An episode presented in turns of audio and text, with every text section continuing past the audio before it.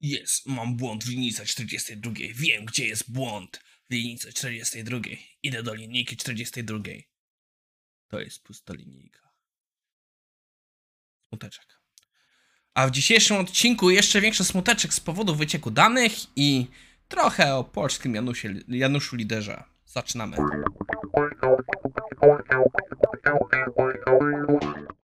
Cześć, nazywam się Maciej Wordek, a to jest odcinek na 10 czerwca 2022. Jak widzicie, dalej nic nie wisi. e, Do poniedziałkowego odcinku to się nie zmieni, ale już mam nadzieję, że we wtorek będzie coś wisiało, bo co ma wisieć? Nie utonie. E, No i zaczynamy. Naszym pierwszym materiałem jest informacja na temat wycieku danych z NPM-a. Żeby było jasne, to nie jest świeży materiał. To jest materiał, który ma już jakieś dwa tygodnie. Ten przez materiał mam na myśli ten artykuł. Przepraszam, muszę sobie poprawić. Piję dzisiaj hibiskus. Ale tak na wszelki wypadek, jakby ktoś z Was nie słyszał, to warto o tym przypomnieć. Był ten wyciek. I co ciekawe, jak zwykle, to jest taki trochę efekt tej maszyny Goldberga, czy tak, Goldberga, że to jest parostopniowe rzeczy. Po pierwsze, e, tokeny wyciekły z Heroku i Travisa, że po prostu tam stamtąd z third party integratorów one wyciekły. Nie jestem teraz pewien, czy wyciekły z samych tych systemów, czy po prostu też użytkownicy trzymali tam jawnie, ale raczej stawiam, że z samych systemów wyciekły informacje, co spowodowało do tego, że ktoś przez wyeskalowanie tych uprawnień był w stanie dostać się do no, sporej ilości danych, między innymi do backupu bazy danych użytkowników. I to był backup, który miał, nie wiem, parę tygodni, z tego co rozumiem, tak, parę, miał, był parę tygodni do tyłu chyba wtedy. E, I po, tak naprawdę mieli dostęp do danych, które sięgały nawet 2015. No i wiele innych rzeczy.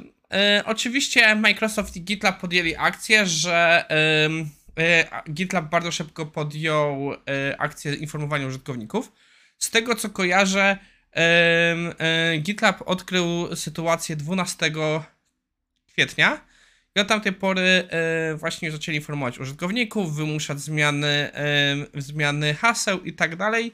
Więc pewno wszyscy o tym dowiedzieliście się, ale jeśli na przykład macie jakieś konto na GitHubie, którego rzadko korzystacie, to sprawdźcie, czy nie dostaliście jakichś powiadomień. Naszym drugim artykułem jest na temat e, naszych pięknych polskich menadżerów i liderów. E, artykuł zaczyna się od stwierdzenia, polski szef rządzi strachem i szantażem. Yy, I przyznam się, nie jestem do końca pewien, co myśleć o tym artykule. Bo o co chodzi?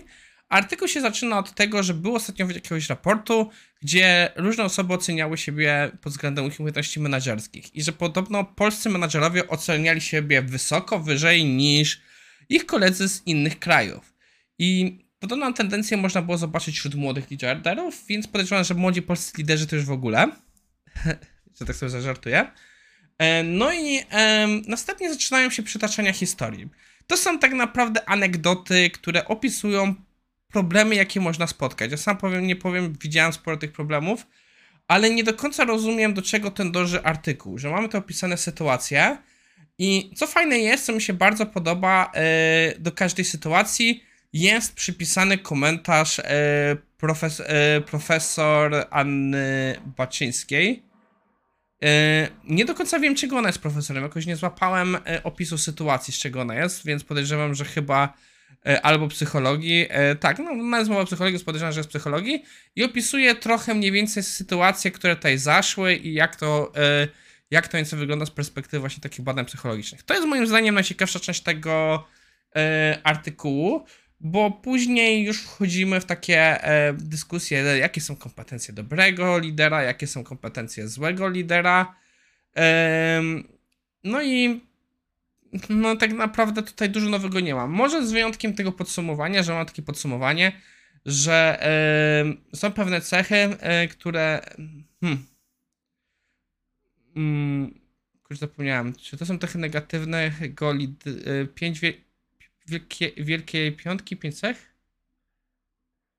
Przyznam się, że przeczytałem to już nie pamiętam. E, zdawało mi się, że to było kwestie właśnie umiejętności dobrego lidera, ale e, teraz nie jestem na 100% pewien.